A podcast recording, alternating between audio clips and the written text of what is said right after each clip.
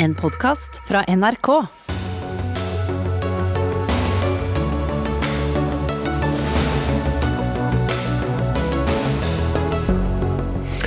Fastleger og pasienter i harnisk over at leger kan risikere bøter opp mot 200 000 kroner dersom de skriver ut for mange blåresepter. Debatten raser fortsatt etter at TV 2 har invitert mannen som ble utpekt til hovedmann bak norgeshistoriens største ran, til å kommentere sjakk i to dager. Bøndene ropte høyt om at de trengte hjelp med strømregningen fra staten. Nå er de hørt, men det mener en tidligere statssekretær fra Finansdepartementet og Høyre er en dårlig idé. Og fluor i tennene skal sørge for eh, null hull, men betyr manglende fluor på skiene null gull? I alle fall velger mange utøvere å bruke middelet ulovlig. Ja, Riktig god mandagskveld, hvis det er lov å si. Dette er eh, Dagsnytt 18. Jeg heter eh, Espen Aas. Vi starter denne sendingen med at fastleger fra og med 1.1 i år kan bøtelegges eh, opp mot 200 000 kroner for å skrive ut blåresepter på feil grunnlag. Det skaper debatt. Blå resept betyr som kjent at staten betaler størstedelen av medisinen. Vedtaket om dette gebyret ja, det ble stemt gjennom det av et uh, enstemmig storting under forrige regjeringen. Hensikten er i det store bildet å spare penger inn ved at uh, folk som ikke har krav på blå resept, får det. Anne Karin Rime, president for Den norske legeforening, dere sendte et brev på fredag til Helse- og omsorgsdepartementet med krav om at regelordningen fjernes etter bare noen dager i bruk. Uh, men så lenge dere gjør jobben deres, så er vel ikke dette noe problem? Eh, vi har vært krystallklare på at eh, denne endringen av regelverket er eh, katastrofal for fastlegene. For det å sitte og forvalte Du har en tillit fra myndighetene om at du skal finne ut hvilke pasienter som skal få sine medikamenter betalt av samfunnet, og hvem som betaler alt selv. Og så skal du, når du gjør jobben for myndighetene, bli straffet med en bot på opptil 200 000 for å gjøre feil. Mm. Men det er vel ikke det... fordi man skriver ut én uh, medisin feil en gang i så fall? Nei, men hele systemet er basert på tillit. Uh, det synes som at det nye regelverket nå har ganske lav terskel for å skulle gi bøter for mellom 10 og 50 000 kroner. Uh, og hele prinsippet i dette, at du skal straffes for å forvalte noe på vegne av myndighetene, det mener vi er helt feil. Mm. Ingvild Kjerkol, helse- og omsorgsminister fra Arbeiderpartiet. Det var altså under forrige regjering, bare for å spesifisere det igjen. Men det, mm. noe, det var noe enstemmig, da. Stoler ikke politikerne på legene? Stortingsbehandlinga var enstemmig, og så er jo forskriften bakgrunnen for denne regelendringa som nå trådte i kraft eh, fra 1.1. Eh, og vi ønsker å se på det her eh, fordomsfritt, og hvordan det kan praktiseres annerledes. Vi har ikke noe mistillit til fastlegene. Vi ønsker heller ikke å påføre dem noe som gjør det vanskelig å gjøre gode vurderinger overfor de pasientene de får inn på legekontoret. Eh, så dette her ønsker vi å se på. Det er budskapet mitt i dag. Men eh, hvordan fungerer det da rent operasjonelt? Hvis denne regjeringen skulle mene at dette ikke er en så god idé som, eh, som man tidligere mente, må den da gjennom en ny stortingsbehandling, eller hvordan skal dette foregå?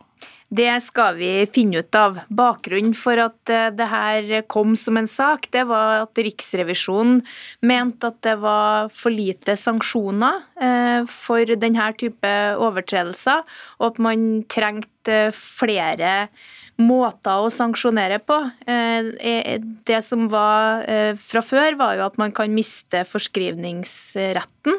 Eh, at man får den type reaksjon, mens man her da får et gebyr. Og her har man harmonisert så vidt vi har greid å finne ut i, med andre sammenlignbare foretaksbøter, sånn at summen er jo stor, eh, og det er jo viktig at det her praktiseres på en sånn måte at eh, det her er siste utvei. At det følger den eh, pyramiden for tilbakemeldinger som gjelder når man har gjort noe feil, og, og, og ikke gjort feil med vilje. Her ligger det jo ikke noe egen vinning for fastlegene. Nei, absolutt, vi, absolutt ikke. Ikke, ikke økonomisk i hvert fall, men, men det handler jo om pasientforholdet. Men spørsmålet er jo likevel, er da, for å bruke andre ord, da, men mm. er leger for for greie overfor pasienter med å gi de medisiner på løsept som da storsamfunnet betaler for? For det må jo være en grunn til at dette dukker opp?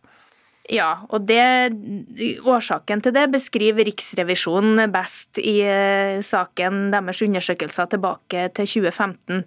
Vi ønsker å gå gjennom det her og se på hvordan det rett og slett kan eh, brukes på en fornuftig måte, og hvilket handlingsrom vi har ut ifra at det her var et enstemmig stortingsvedtak. Mm. Eh, Som kan gjøre det vanskelig å, å snu det så raskt, da? Ja.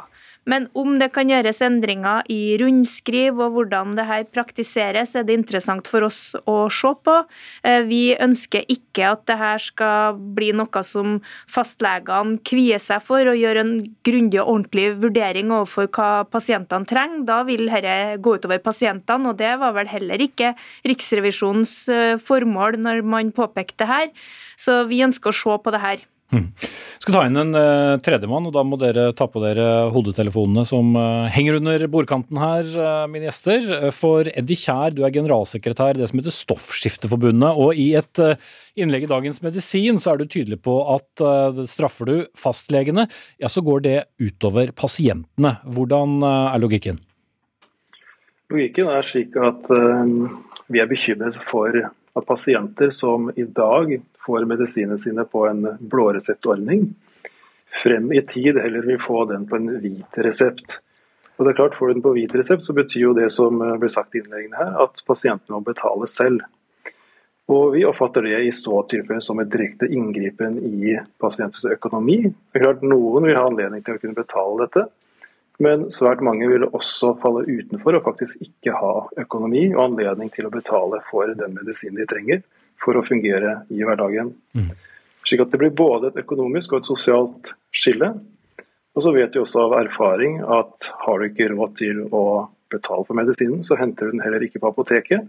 Og det er klart, Da snakker vi om folks liv og helse til syvende og sist. Og Da vil jeg tilbake til deg, eh, Rime, for det handler jo om eh, de vurderingene som da gjøres på, på legekontoret. Men hvor vanskelig er det da å bedømme riktig hvorvidt staten skal, eh, eller storsamfunnet om du vil, skal betale mesteparten av, av medisinen eller ikke? Hvor vanskelig er de vurderingene ut fra retningslinjene som gis? Først må jeg bare si at dette gjelder ikke bare fastleger, det gjelder også sykehuslegene. Ok, Men i hvert fall de som skriver og, ut medisiner, da. Ja, og det fastlegene gjør, er at ofte de viderefører det sykehuslegene har skrevet. Så igjen så vil dette her føre til en byråkratisering, at du skal sjekke har den foregående legen gjort det riktig, og igjen en mistenkeliggjøring og mye papirarbeid for fastlegene. Mm. Eh, om det er vanskelig, eh, jo mer erfaring du har, jo mindre vanskelig er det. Men det er veldig mye skjønnsmessig vurdering i regelverket. Regelverket endrer seg veldig ofte. Det er snakk om 60-70 endringer i året fra Legemiddelverket. Og et eksempel er jo i livets siste fase, som ofte legene har sett hva er det for noe. Der har du krav på en rekke legemiddel på blå resept. Men hvis du er så heldig at, ikke, at du ikke dør likevel, hva skal du gjøre da? Skal legen straffes for at den vurderte feil? Eller hva tenker man? Og Det er der det er vanskelig med skjønnsmessig å vurdere. Og jeg tror yngre leger kommer til å bruke mer tid og kvie seg for å skrive blå resepter når de er i tvil. Mm. Men kan da helsemyndighetene være skal vi si, enda mer uh, presise i, uh, i, sine kriterier for hvem som uh, skal få medisin på blå resept, og hvem som må få den på hvit? Det kan de selvfølgelig være. Og det er en annen kamp å ta, hva som skal gis på fellesskapets regning. Mm. For det virker jo som det er et visst spenn i skjønnet her, da, Kjerkol? Ja, og det som var Riksrevisjonens kritikk, det var at det var for stort spenn, og at myndighetene trengte flere sanksjonsmuligheter. Fra det som handler om å gi riktig informasjon og veiledning, til da tap av eh, rett til å, å, å, gi det her på trygdens vegne, da, som er blåreseptordningen. Eh, og så har det blitt eh, ei bot som er veldig høy, eh, og kanskje litt for lite i forkant av det. Det ønsker vi å gå grundig inn i og se på hvordan vi kan endre det her. Vi ønsker ikke ikke en situasjon hvor fastlegene kvier seg for å hjelpe pasientene. Det vil, som det blir sagt fra Stoffskifteforeningen her, gå utover pasientene. Det ønsker vi ikke. Vi ønsker en fastlegeordning hvor eh, legen opplever at den har tillit til å forvalte fellesskapets midler til det beste for pasienten. Det er både effektivt og bra. Eh, og nå har vi kommet skjevt ut, og da er det viktig at vi klarer å hanke oss inn igjen. Mm. Dette har jo da vart i, i, 17 dager, og vi vet jo ikke hvor lenge dette skal, skal, skal vare videre. og Vi vet jo heller ikke hvordan dette blir håndhevet, men det noen pasienter som har kontaktet oss har vært opptatt av, er ok, eh, noen følger med på om det skrives ut for mange blåresepter, men hvem passer på om det blir skrevet ut for få? Altså at flere mm. må betale mer for medisinen som ikke skulle gjort i utgangspunktet. Det syns jeg er et veldig godt spørsmål, og det gjelder jo flere ting. Men også her er det mange som får eh, betale for mye for legemidlene, og det har vi heller ingen svar på. Så det å ha systemer som finner ut at eh, de som skal få det, får på blå resept, og de som eh, skal ha det på hvit, får på hvit resept. Det er vi helt avhengig av. Men eh, vi har nå kommet hit hvor eh, vi er, da, og Riksrevisjonen har skrevet det den har. Eh, hva er svaret fra, fra legene på at vi har kommet hit? Eh, svaret er eh, at eh, dette må endres. Jeg tror alle stortingspolitikere som vi har snakket med Vi har ikke sett at noen har gått ut i media og sagt at dette har de lyst til at skal være Nei, Nå snakker jeg om årsakene til Nei. at kritikken kom. Nei, det, det kan jo tyde på at fastleger har skrevet ut for mange blåresepter. Ja, Det er litt vanskelig å skjønne, for det, i Riksrevisjonen så mener de det at å gi legen delvis eh, ta bort retten til å skrive blåresept delvis, er en for streng handling. Eh, og da gi en bot på 200 000 istedenfor å si at nå får du ikke lov til å skrive ut blåresept i en periode, det virker veldig merkelig. Eh, det saken, Tallene vi har fra 2018, er at det var én lege som fikk eh, mistet retten til å foreskrive blåresept. Så hvor bakgrunnen her, det må du nesten spørre politikerne om. Det er litt vanskelig for oss å se, og vi har vært ganske klare på at dette her er en tillit som vi forvalter med stor kløkt og respekt, og som vi ønsker å gjøre på best mulig måte til vegne for pasientene og for fellesskapet. Mm. Men er det Riksrevisjonen som du har litt vanskelig for å forstå, eller er det hvordan dere politikere agerte da det ble stemt over? Nei, at uh, Stortinget stemmer for at man kan ha flere sanksjonsmuligheter imellom det som er det strengeste, som, som, heller ikke er noe godt utfall. At man taper retten til å kunne forskrive på trygdens vegne, retten til å skrive ut uh, blåresepter. Det er jo heller ikke noe ønskelig. Og så er det jo hva skal man ha isteden? Og her er det viktig for meg å finne ut hvorfor den bota har blitt på den størrelsen som den har blitt og hva som kan eh, skje og bør skje før man eh, kommer til det eh, skrittet at det er en økonomisk sanksjon som er alternativet. Og her har man jo et sånt hierarki av reaksjoner, hvor man bør jo begynne lengst ned i skalaen. Så vi, vi, ønsker å gå inn i det her og se om vi kan få, få gjort endringer uten at vi må til Stortinget igjen. Og, og, må vi til Stortinget igjen, så får vi også se på det. Men vi, vi ønsker ikke at dette her skal belastes fastlegene og vi har registrert den reaksjonen som har kommet kraftfullt, eh, og de opplever det som en mistillit når de faktisk gjør en veldig viktig jobb og vurdering av pasientene sine behov. Det virker bare så pussig sett utenfra at, ja. Eh, at, vi oppdager dette når systemet har vært i, i, bruk i et par uker, når man skulle tro at det var godt beskrevet forkant, i forkant når det ble vedtatt. Det blir nå å spekulere i hvorfor det kommer nå, for det har jo vært klart en stund at ja, denne eh, forskriften skulle virke.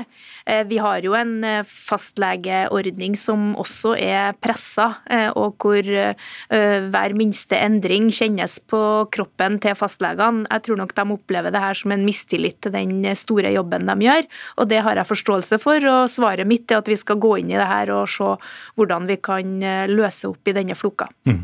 Inntil videre så blir jo systemet som det er, og så får vi se hvordan det håndheves. Takk skal dere ha, Ingvild Kjerkol, helse- og omsorgsminister fra Arbeiderpartiet, Anne Karin Rime, president i Den norske legeforening, og Eddie Kjær, som er generalsekretær i Stoffskifteforbundet.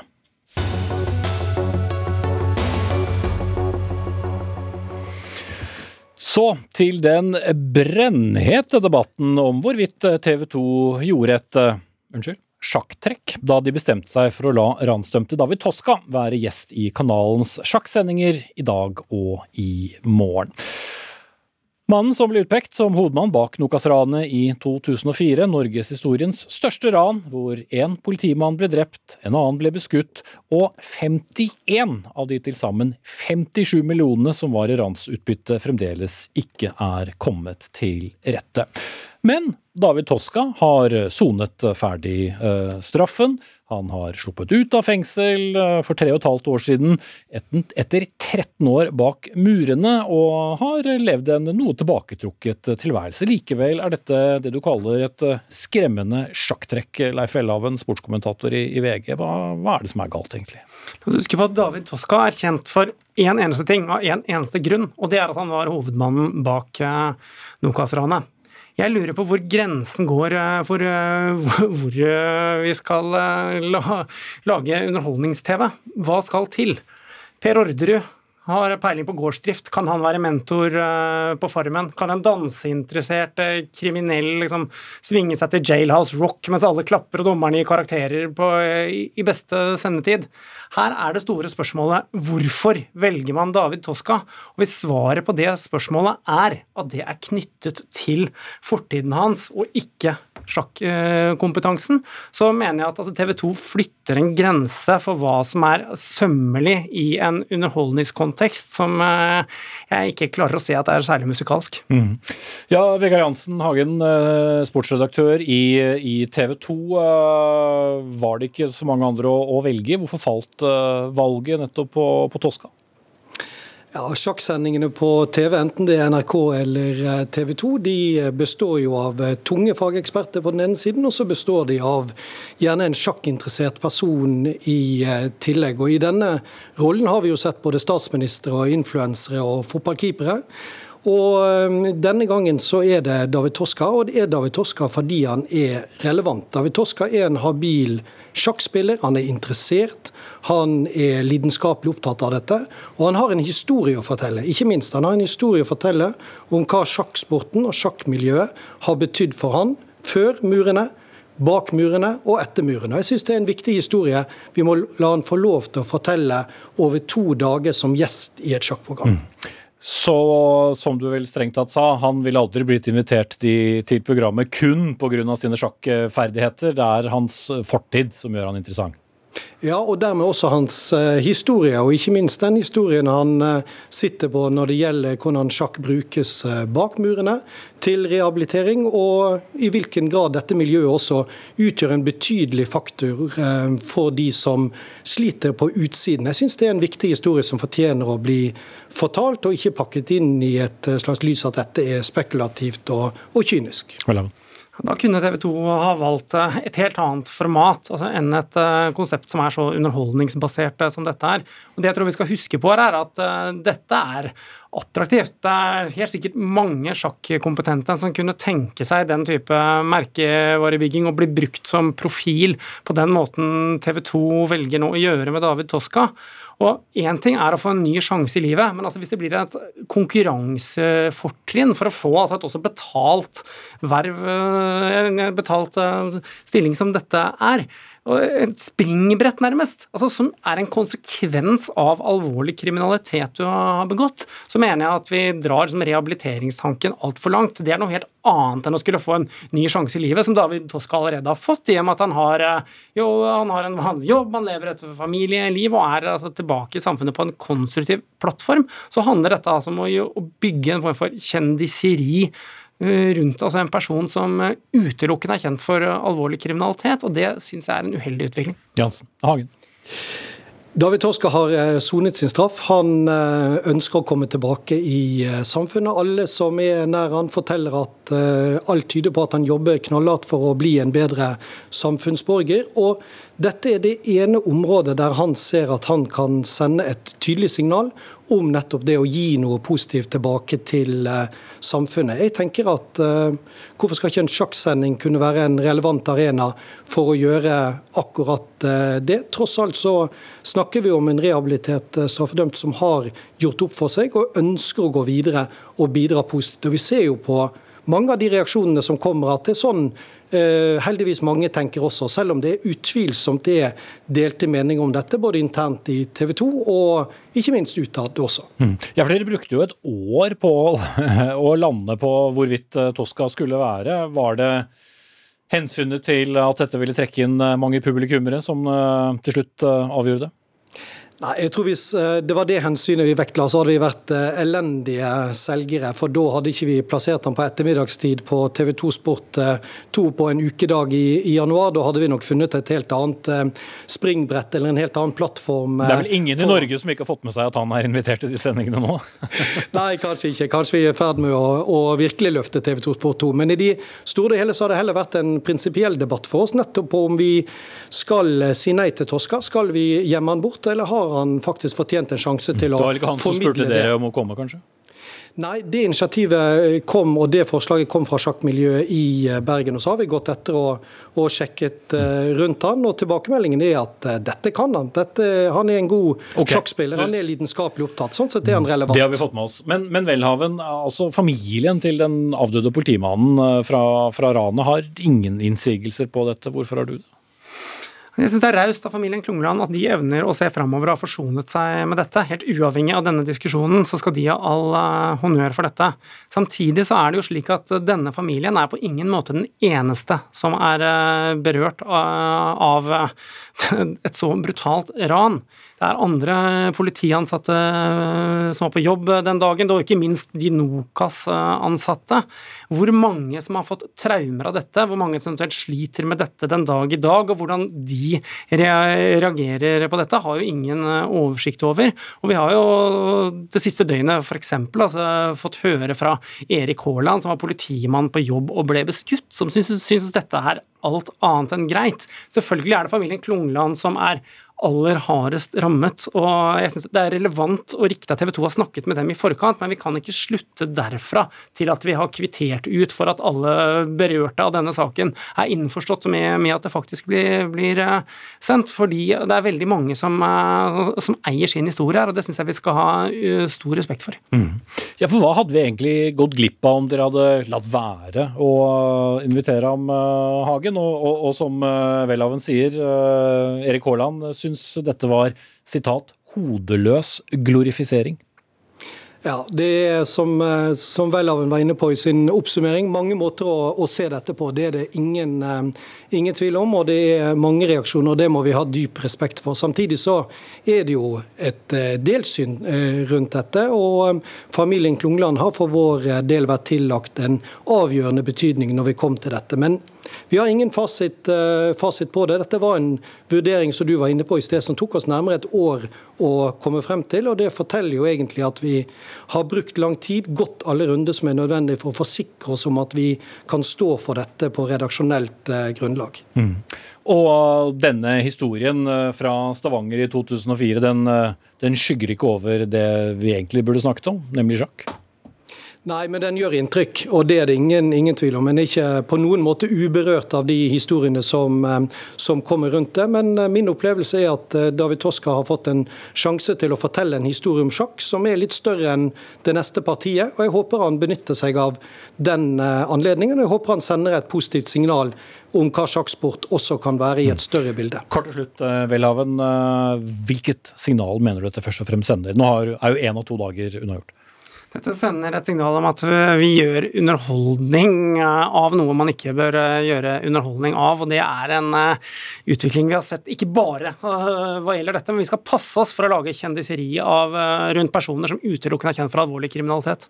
Ok. Leif Elhaven, sportskommentator i VG, og Vegard Jansen Hagen, sportsredaktør i TV 2.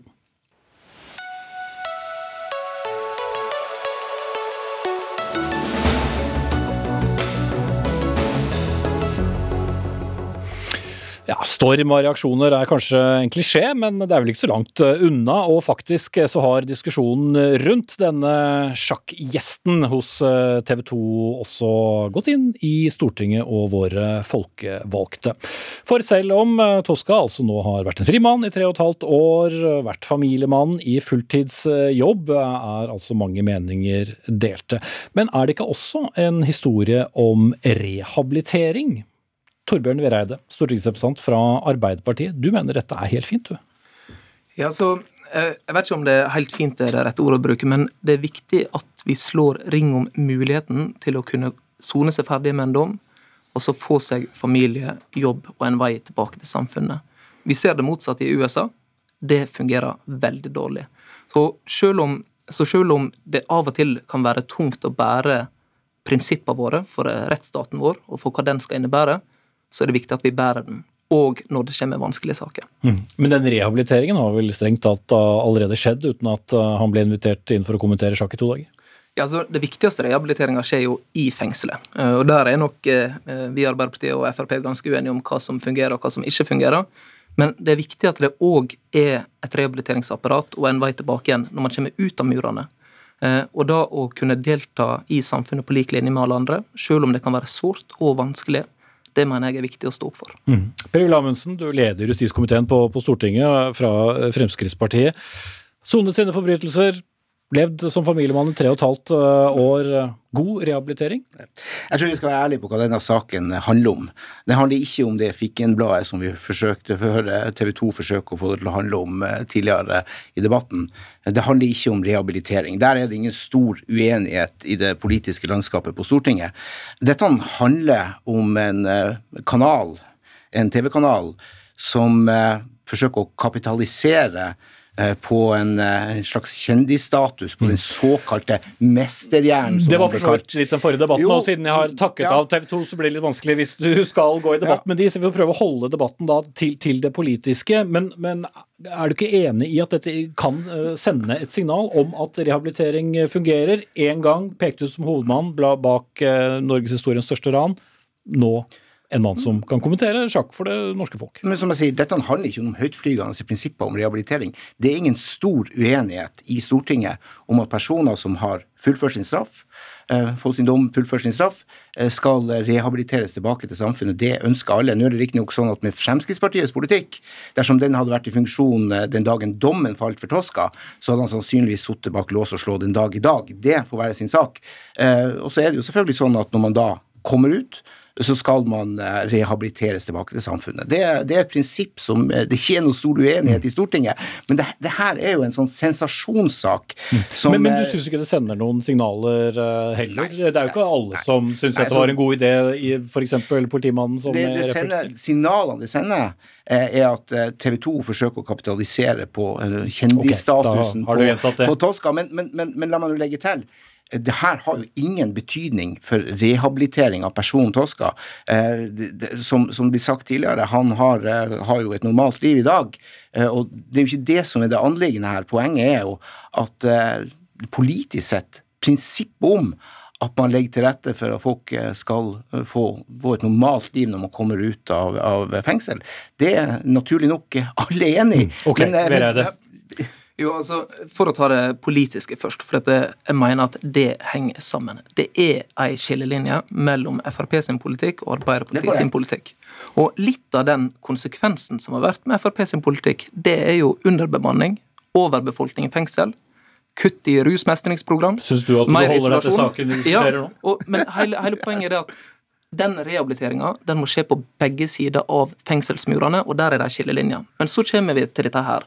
Og da er jo det grunnleggende for oss i Arbeiderpartiet det at selv om en del enkeltsaker kan være utrolig vanskelige, og det syns jeg at dette, her er òg, så er det allikevel et prinsipp om at når man er ferdig å sone, så skal man òg kunne komme ut igjen i samfunnet. Hvis eh, Frp foreslår et eh, forbud for folk som har sona dommen sin på å delta i mediekanaler eller å jobbe med folk, så er det en annen sak. Men, det, men det, det, her er det har jeg overhodet ikke gjort. Og så må jeg jo bare også understreke at du, du, du slår virkelig noen plater her som er feil. Det var altså historisk høye køer til norske fengsel den dagen forrige regjering overtok. Okay, og det var Arbeiderpartiet som sørga for at vi hadde fengselskø. Det var Fremskrittspartiet i regjering som avvikla fengselskø. ok, da har dere begge to snakket om noe som handler om noe annet. Også ja, til saken. Ja. Men vi måtte gjøre det. Men, men, men, men det, prinsippet om rehabilitering er det ikke det store politiske uenigheter om. Poenget er at det, har, det som skjer med TV 2, det at de velger å bruke Toska som den såkalte mesterhjernen, som nå skal også være mesterhjerne på sjakk, visstnok, Ja, det, det, det bidrar jo kun, eh, tror jeg, til, eh, til det motsatte. At man ikke har respekt for, eh, for akkurat den, den viktige funksjonen at folk skal komme tilbake igjen. Og Mm. det, det, det må TV 2 svare for. Eh, Å sitte politisk her og diskutere hvorvidt folk skal rehabiliteres, det er vi enige om. Og det er egentlig ingen debatt. Men, men det er likevel, høres ut som det du sier, en forskjell på å la en, eh, en, en, en tidligere dømt Ja. ransforbryter sitte på TV, og det å ikke la ham gjøre det? Altså, jeg, vil jo si at eh, Jeg registrerer jo at det er jo folk som er ansatt i politiet, som opplevde eh, hendelsene rundt Nokas-ranet, som sjøl ble skutt på, som har eh, mening om det. Så registrerer jeg også at familien ikke ønsker å, ha noe mening om det. Men jeg tror for famil- familien sin del så hadde det aller beste var om vi lot dette være. At vi ikke satt og diskuterte dette i dag i det hele tatt, fordi at TV 2 ikke gjorde en så uklok avgjørelse som de har gjort. Vereide. Jo, altså, For det første så har jeg veldig stor forståelse for at mange syns at dette er vanskelig. Jeg har fått mange tilbakemeldinger der folk eh, har eh, bekymringer rundt dette her, og det forstår jeg. Men det som er viktig, er jo at vi som er folkevalgte i landets mektigste sal, at vi ikke må komme med, med påstander som er med å bygge opp om eh, en linje der man snakker om forbud for folk med kriminell fortid, og vise seg i offentligheten. Jeg tenker, jeg tenker det, eh, jeg, jeg tenker det at vi skal ha noen prinsipp som ligger i rettsstaten vår, der det er mulig å komme tilbake igjen i samfunnet uten å møte fakkeltog fra vi som er politikere. Det er verdt å slå ring om, òg når det er tungt og vanskelig. Så, så du ser det ikke som en profilering, som Amundsen øh, synes å gjøre? Ja, altså, eh, Det vil nok være en profilering, og det kan jo hende at eh, han er verdens dårligste sjakkommentator. Jeg veit ikke, jeg. Men vi skal iallfall ikke dømme han fordi han har vært i fengsel, mener jeg. har ikke tenkt å dømme han, og den eh, dommen den har han fått, og den har han sona. Eh, Det er vel eventuelt TV 2 som bør, bør dømmes i den forstand at de har gjort noe uklokt.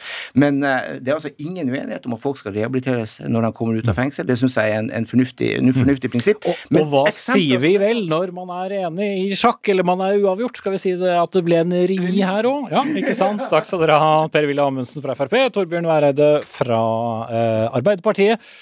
Og hadde det vært umusikalsk, kunne vi i hvert fall ikke kalt det da remis. Takk skal du ha.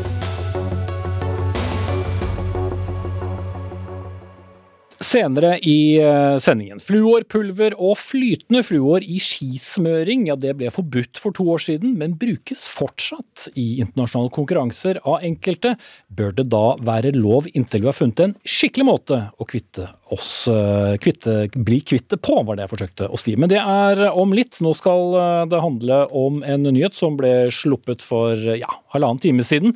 Da ble det nemlig kjent at regjeringen går inn for en egen strømpakke til landbruket. Helt konkret så vil regjeringen kompensere strømutgifter for veksthusnæringer, som det heter, og jordbruket. Og nyheten kom etter et møte mellom bøndenes organisasjoner og finansminister og Senterpartileder Trygve Slagsvold Vedum i morges.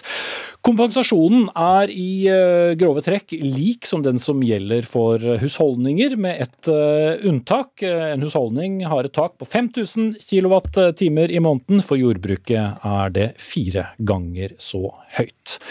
La oss først gå til en som eh, vet hvordan det er å åpne en eh, dyr strømregning. Renate Ottersen, du er heltidsbonde på Tjøme i gamle Vestfold eh, fylke. Du produserer melk og kjøtt. 300 000 liter melk i fjor og 9 tonn kjøtt. Hva slags strømregning var det du fikk, og hva betød det? Jeg fikk en strømregning på 44 200 kroner. Eh, For desember eh, 2020 så var den samme regninga på 12 200 kroner. Så det har altså vært en prisøkning på 262% fra fjor. Og det syns jeg er helt vilt.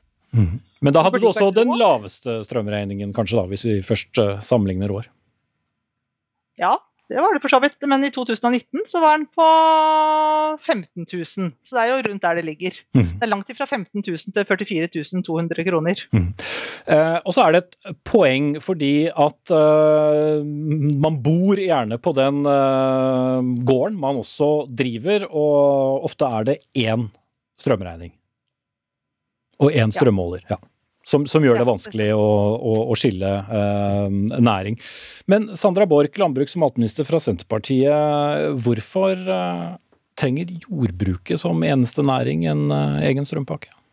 Nei, Situasjonen som jordbruket har stått i med ekstra økte kostnader på flere felt, har vært eh, viktig eh, å håndtere. Vi håndterte jo aller først tilleggsforhandlingene som var gjaldt eh, gjødsel og bygningsmateriale. Og så har jo vi hatt møter nå med Bondelaget og Bonde- og Småbrukarlaget eh, i flere runder hvor de peker på en svært krevende situasjon eh, med økte kostnader, særlig på strøm. da. Og Derfor har jo regjeringa nå jobba med denne pakken ganske lenge for å få den treffsikker nok, og ikke minst legger vi den under Landbruksdirektoratet, sånn at vi også skal få, få til kjappe utbetalinger som hjelper, vil bøte på situasjonen eh, i norsk landbruk. Og det handler jo til syvende og sist om norsk matproduksjon, og at vi skal, mm. vi skal legge til rette for det.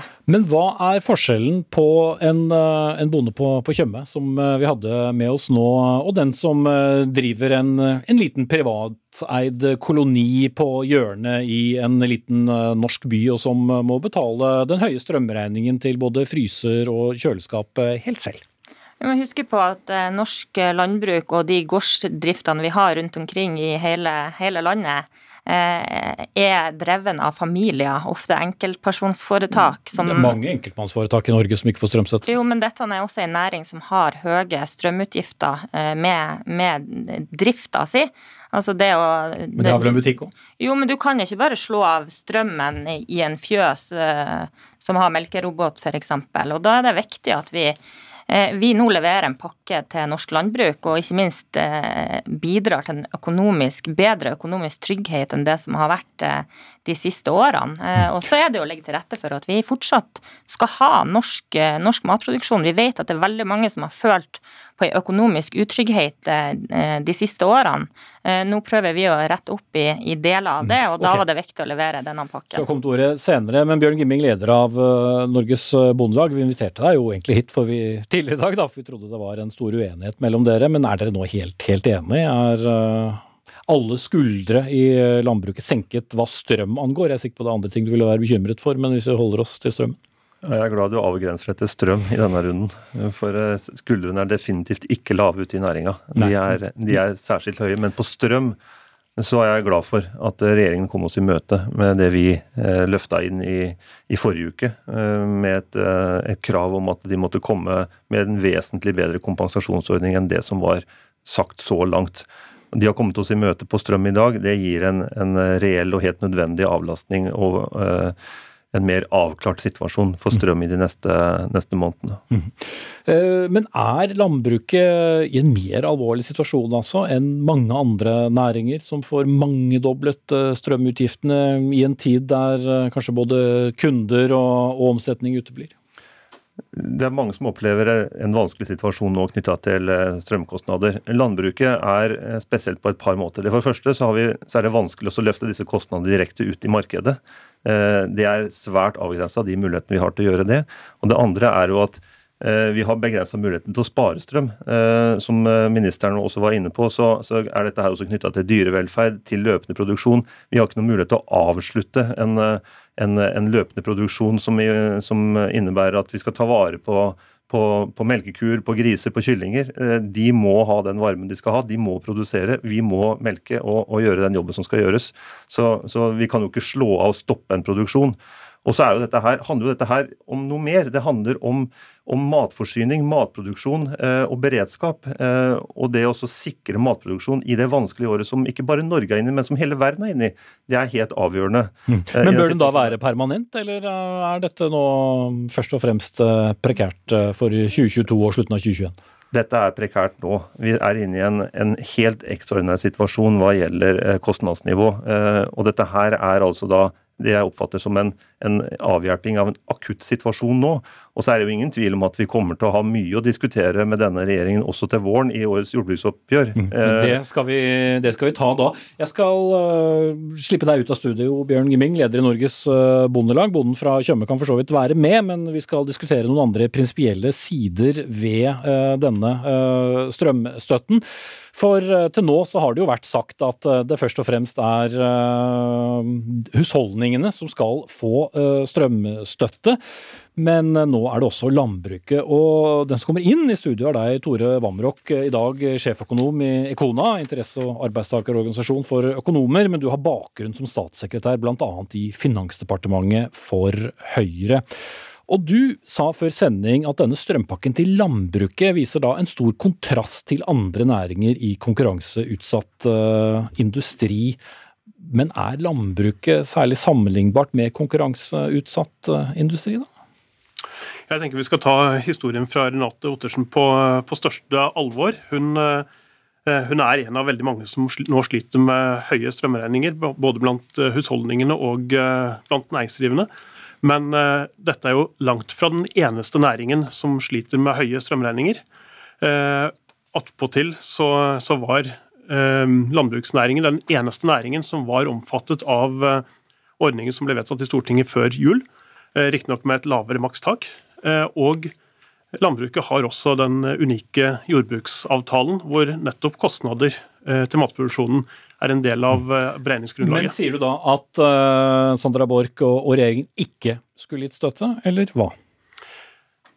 Jeg mener at regjeringen burde ha sett på alle næringer bredt, og husholdningene, og uh, kommet på banen tidligere og, og, kommet med gode løsninger for alle de der ute som sliter med høye strømregninger, både blant, blant innbyggere og blant næringsdrivende. Mm.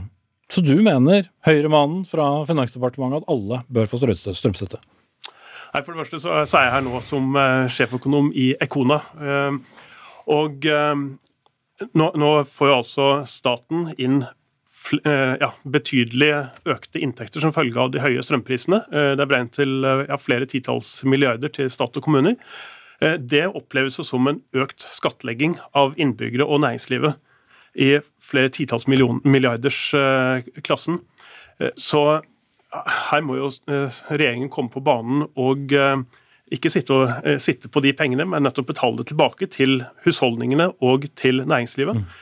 For, for, disse inntektene kommer jo da fordi vi alle betaler eh, moms, mens regjeringen da eh, kompenserer strømregningen før moms, og momsinntektene blir jo det samme. Men da går jo spørsmålet tilbake til deg, da, eh, landbruksminister Sandra Borch. Når man først åpner døra for noen næringer, er det ikke da riktig å åpne den for, for flere også? For det er jo ikke sånn at de ikke sliter med regningen, de andre? Nei, altså eh, Situasjonen i norsk, eh, norsk, landbruk, og særlig veksthus, er jo en akutt situasjon. Eh, som, eh, men ikke pga. strømmen alene. Som du sa i sted, så er det jo mange faktorer. Det er mange faktorer, men samtidig så er det Og det er litt det store bildet òg. Altså, vil vi ha norsk matproduksjon? Svaret til regjeringa er et klart og tydelig ja på det. Det handler om beredskap. Det handler om at Eh, folk, eh, ofte familier, som står i, denne situasjonen og en, en, en, utrygg økonomisk situasjon, så var det viktig nå å avhjelpe eh, med denne strømpakken. Mm. Men norsk landbruk står vel ikke og faller på strømprisen heller? Nei, men det er, en, det er en krevende situasjon. og Når du hører historien fra en rekke norske bønder som, som sliter med å betale strømregninga, så er, er, det noe vi nå har tatt på alvor å levere en strømpakke. Mm. Og så vil jeg også si, Vi har hatt god dialog med Bondelaget og Bonde- og Småbrukarlaget under, underveis i denne prosessen. Jeg har jo også lyst til å si at eh, de jordbruksforhandlingene vi skal inn i nå, kommer jo også til å bli vektige eh, viktige på det totale det bildet. Det blir en helt uh, annen skål, uh, Vamrok. Ja, eh, og eh, Jeg er jo glad for at eh, regjeringen tar på alvor den situasjonen som, som Renate Ottersen beskrev, og, og det, det, at bøndene sliter med strømregningen.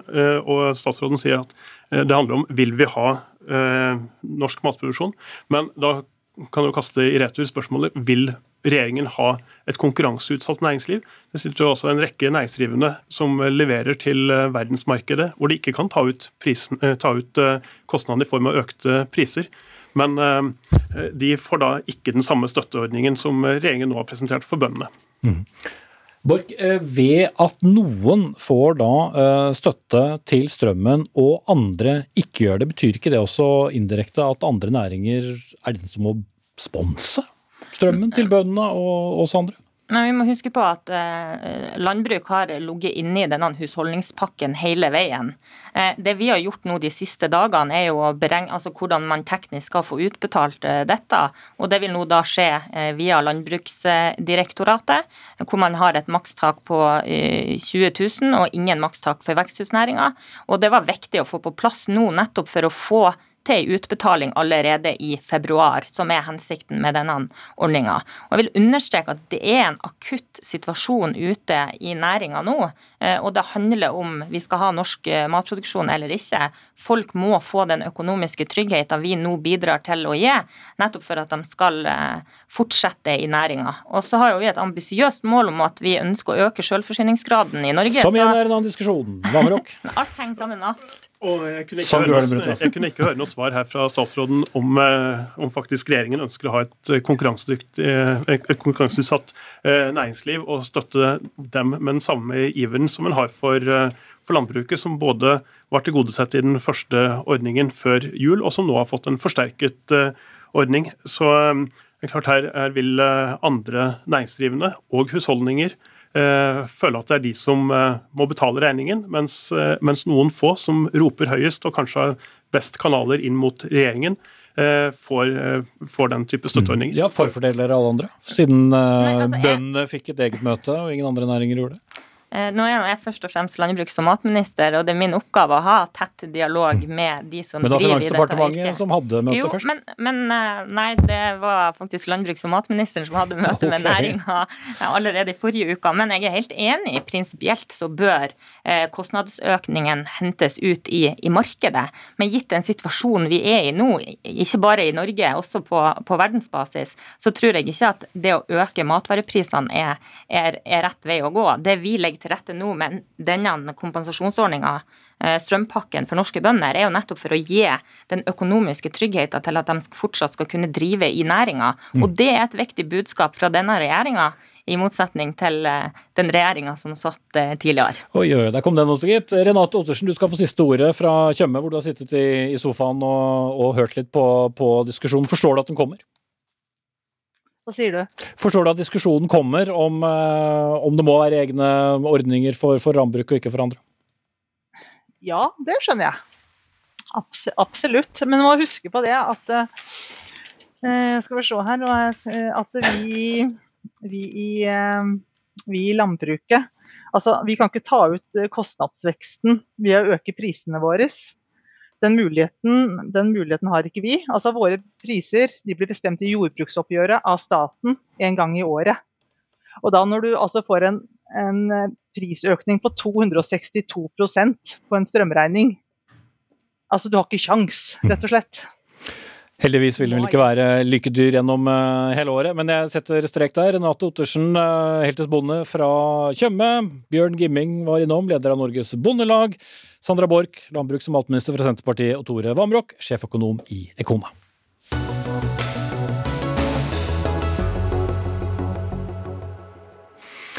Debatten om eh, bruken av det både miljø- og helseskadelige stoffet fluor i skismørning har blusset eh, opp igjen. Preparatet, som ble kjent ulovlig å bruke i pulver og flytende form eh, for to år siden, er nemlig umulig å spore dersom utøvere likevel velger å bruke det. Og ifølge flere innen langrennssporten og skiskyting så brukes fluor fortsatt, for det gir en veldig god gevinst på glid på langrennsski. Særlig i mildvær. Hans Christian Lahus, du er daglig leder i eh, det privatfinansierte skilaget Team Telemark. Og i en ytring på NRK så skriver du at eh, uryddighet rammer konkurranser både nasjonalt og internasjonalt. Eh, Så hva er det du ser og får med deg når det gjelder fluorbruk? Nei, Vi har dessverre havna i en situasjon i langrennssporten nå der det i praksis er fritt fram for å jukse, uten at du risikerer å bli avslørt. Og Skulle du være så uheldig å bli avslørt, så får du ikke straff. Og Bakgrunnen for at vi er i denne situasjonen, er som du sier, at eh, det er fremdeles utstrakt bruk av ulovlig fluorholdig skismøring. Som gir en eh, sterkt prestasjonsfremmende effekt sammenlignet med den lovlige mm. eh, fluorsmøringa. For det er jo må understreke at det er to typer fluorsmøring. Det er ei som er lovlig å bruke, og ei som er lovlig å bruke. Ja, ja, ja helt, helt, riktig. Men, men, du har også sett dette med egne øyne nylig, og det var, eh, det var lett å se, men det er ikke så lett å, å ta noen for det. Nei, det, det, vi har jo hatt en litt sånn snikende mistanke gjennom sesongen at uh, det her ikke har vært helt greit. Og de har advart mot å havne i den situasjonen her nå i, i snart uh, to år uten å bli egentlig hørt. Uh, og så ble dette avslørt skikkelig nå i Falun for 14 dager siden, der det var utstrakt bruk av ulovlig fluorholdig smøring. og vi frykter jo selvfølgelig at eh, resultatlistene både nasjonalt og internasjonalt blir prega av juks. da. Mm. Erik Røste, president i Norges Skiforbund og, og styremedlem da, i Det internasjonale skiforbundet FIS. Er det for naivt å basere dette fluorforbudet på, på tillit, når åpenbart eh, mange misbruker den tilliten? Ja, La meg først si at eh, jeg forstår godt den frustrasjonen, frustrasjonen som Hans Christian her gir uttrykk for. og Det er, det er skuffende å høre. Ja, og Det er skuffende å høre at dagens regelverk åpenbart brytes. Jeg må komme med noen, noen faktaopplysninger først. Eh, fordi det er slik at eh, Det internasjonale skiforbundet, altså FIS, og Det internasjonale eh, skiskytterforbundet, IBU, har bestemt et totalforbud mot bruk av fluor. Og Bakgrunnen for det det tror jeg vi alle kjenner, det er av helsemessige og miljømessige skader. som Det er godt dokumentert. Ja da, Det, har vi, det har vi poengtert her også, men det at det fortsatt ja. brukes, forteller vel også en historie om at dette forbudet fungerer sånn helt passe? Ja, og Det gjorde vi høsten 2019. og Det er brukt store ressurser på å prøve å utvikle et testapparat og en testmetode. Det er komplisert. Eh, det skal fungere i all slags vær, det skal fungere på alle såletyper og det skal ikke minst fungere også når man bruker andre typer produkter. Så implementeringen av det, eh, Poenget mitt var at implementeringen av det forbudet det kommer når man har en testmetode eh, klar. Men så er det slik at EU eh, e har innført et totalforbud mot bruk av de mest farlige fluorproduktene, som Hans Christian her også er innom. Og Det gjelder i skismurning, som det gjelder i alle andre typer produkter. Det kan verken FIS eller Det internasjonale skiskytterforbundet, altså IBU, bestemme seg for å utsette. Det må vi i skifamilien forholde oss til, som alle andre typer produkter som, da, eller som brukte DC8. Det er myndighetsbestemt. Og Det enkleste hadde selvfølgelig vært for oss å, å si at det forholder vi oss ikke til, men det, det kan vi selvfølgelig ikke gjøre. Mm. Men uh, tilbake til deg, da, Lahus. Uh, hva blir da konsekvensen? Blir det forskjell på hvem som uh, bruker tillit og hvem som misbruker? Ja, det blir det jo. Jeg, jeg, må jo. jeg, må jo. legge litt til det Erik eh, sier. og så må jeg understreke jeg jo da at selvsagt vi kjemper den samme kampen her, Erik og jeg, med den samme båten og ønsker en ren og rettferdig idrett. Men eh, Det internasjonale skiforbundet har jo sovet så til de grader i timen. fordi at eh, det er over ti år siden EU varsla at det kom til å komme et flyårforbud. Så en har hatt eh, ti-tolv år på å utvikle gode testapparater og gode kontrollsystemer for å unngå at man har havna i den situasjonen med, med jern nå. Da. Så, Så de har ikke jobbet det, godt nok? Hva sier du? Har de ikke jobbet godt nok? Nei, på ingen måte. På ingen måte. Dette burde vært klart for, eh, for, flere år siden, for vi så at den situasjonen her eh, kommer. Og så til spørsmålet ditt Hun kan ikke Røste svare på det først? Ja, Den kritikken den, den, den forstår jeg. Eh, det, det, det, kunne helt sikkert vært tatt tak i det tidligere. Etter at eh, det forbudet ble innført i 2019, så har det vært, som jeg sa, vært brukt store ressurser på å utvikle testapparatet og testmetoden eh, for å avsløre det. Så er det slik at jeg tror ingen vil kunne avdekke om det er da den ulovlige smurningen, fluorsmurningen under skiene, eller ikke. Derfor har FIS og Det internasjonale skiskytterforbundet sagt at vi må forby all type fluorsmurning. Eh, så Derfor så det, eh, jobber man nå med en testmetode for å avdekke fluor under skiene totalt sett. Mm. Men gjør ikke det da en aldri så liten forskjell på hvem som vinner og ikke vinner? Altså Hvis eh, det er så lett å, å, å misbruke dette og bruke den ulovlige fluoren, mens andre bruker den lovlige? Eller er det ikke så stor forskjell på produktene, mener du? Ja, Det er ikke jeg noen ekspert på å si. Eh, slik jeg oppfatter situasjonen, så er det hvert fall, eh, og slik jeg har blitt fortalt det, så er det, ville vært veldig mye vanskeligere å konkurrere eh, eh med hvis man, ikke hadde, hvis man hadde innført det totale fluorforbudet. Eh, det å konkurrere hvis man eh, med C6-fluor Som er den lovlige? Som er den lovlige, det mener i hvert fall noen av de jeg har snakket med at det kan være mulig. Men jeg har lyst til å bare si, kommentere én ting av det Hans Christian sa. Og som sagt, Jeg forstår veldig godt frustrasjonen og bekymringen. Men, men, men ethvert men ethvert et hvert brudd på regelverket kan selvfølgelig straffes. Ja, men da må man jo finne ut av det. Ja. Det er helt riktig. Eh, og Hvis man gjør det, så vil det selvfølgelig kunne straffes. Det er ikke sånn at man ikke har straffemetoder eh, og straffemuligheter hvis det avdekkes eh, juks, sånn som da tilfellet tydeligvis har vært i, i, i, i, i Falun. Men Lahus, hvilke konsekvenser får da den situasjonen som er der den er, hvor C6, som er lovlig, og C8, som er forbudt, da brukes litt om hverandre hos utøvere? Konsekvensen er at du eh, kan ikke stole på at eh, resultatlista er ren og rettferdig. Det er den sportslige delen av det. Og så er toppidrett på det nivået vi driver, det er jo forbundet med en relativt stor økonomi. Og forskjellen på å gå norgescuprenn og det å prestere der, og da kunne ut og gå og representere Norge internasjonalt, kanskje få en landslagsplass, den eh, er som forskjellen på å spille tippeligafotball og Champions League relativt sett økonomisk. Så Konsekvensen er at én, eh, du får en urettferdig resultatliste som ikke kan stole på. Og to, eh, du er langt eh, inn i egentlig økonomisk kriminalitet der en rett og slett svindler seg til vesentlige økonomiske fordeler. Mm. Og så må jeg jo si det at det ble kan ikke starte en diskusjon til nå, for nå vil jeg ta inn Jan Petter Saltvedt, sportskommentator her i NRK. Hvis du som er utenfor begge her, da. Hvordan vil du vurdere Skiforbundet og Det internasjonale skiforbundets evne til å håndtere eh, dette forbudet? For det, det er jo innfløkt eh, når, når, man kan ha fluor, men det er en type som eh, er forbudt og en, en som er tillatt. Ja, Erik Røst har jo sagt det selv, dette er vanskelig. Eh, de har jobbet, eh, som jeg har skjønt, med én tysk produsent som skulle lage et apparat, som åpenbart da ikke har jobbet godt nok eh, med det. Det burde åpenbart ha vært satt i gang en sånn jobb mye tidligere.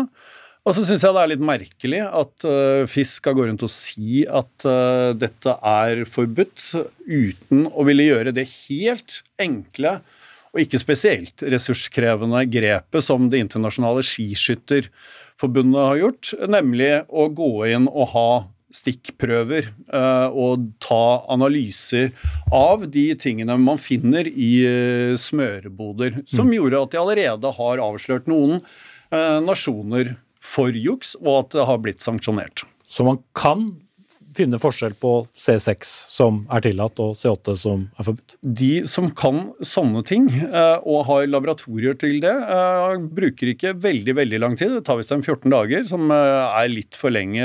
Når da reiser mesterskapet for lengst Ja, Det er akkurat det som er problemet i dem. Men FIS har jo nå et system hvor man Altså prøve å gjøre det litt uh, dagligdags. Uh, sier at man gjerne ser at folk kjøper uh, billetter på buss eller trikk eller tog, men kan love at det aldri kommer til å være noen kontroller av om man gjør det. Så kan man jo tenke på selv. Hvor mange som faktisk ville ha kjøpt billett hvis det var et sånt system. Mm. Og så er det OL i Beijing om et par uker. Der er det ikke noe forbud mot fluor, i motsetning til EU. Blir det fluor og ikke fluor om hverandre? Vi får jo bare krysse fingrene for at de værforholdene hvor fluorsmøringen er særklasse mest effektiv, ikke er det man kommer til å møte i Beijing. Men det, det er et kjempeproblem. Derfor mener jeg også man bare burde ha sagt at eh, så lenge vi ikke har noen uh, sanksjonsmuligheter eller blir kontrollert, at uh, man bør heller uh, tillate det. Nå blir det bare mistenkeliggjøring og så, så, så fritt skuling. fram for helseskadelig og miljøskadelig fluor, Jan Petter ja, Saltvedt? Uh, ja, det er, det er, ikke noe god løsning, det heller. Men man burde hatt sanksjonene i orden når man skal til den viktigste konkurransen for samtlige utøvere under FIS. Det er, bør man skjønne. Du skal få et halvt minutt på slutten til å svare på det siste, Røste. Ja, jeg er jo ikke uenig med det Saltvedt sier. Eh, og Derfor har vi jobbet eh, veldig hardt med å finne det testapparatet. Eh, men det å avdekke bruk av C8 kontra bruk av C8 under skiene, det tror jeg ingen vil kunne klare. For det er nok en testmetode som ikke er mulig å, å, å, å finne ut av. Mm. Men, men, burde det vært tillatt inntil man fant en, en god måte å avsløre det på? Ja eller nei? Nei, altså, altså vi, vi, må forholde oss til det EU-regulativet, det, det, regelverket som er i EU. Eh, det gjelder for alle, også inkludert skiindustrien. Okay. Så det er det vi har sagt. Må bryte deg av der, Østefort. Sendetiden er over. Du er uh, president i, i Skiforbundet. Hans Christian Lahus, dagleder i Team Telemark, og sportskommentator Jan Petter Saltvedt. Gro Arneberg var ansvarlig for sendingen. Teknisk ansvarlig Eli Kyrkjebø. I studio Espen Aas.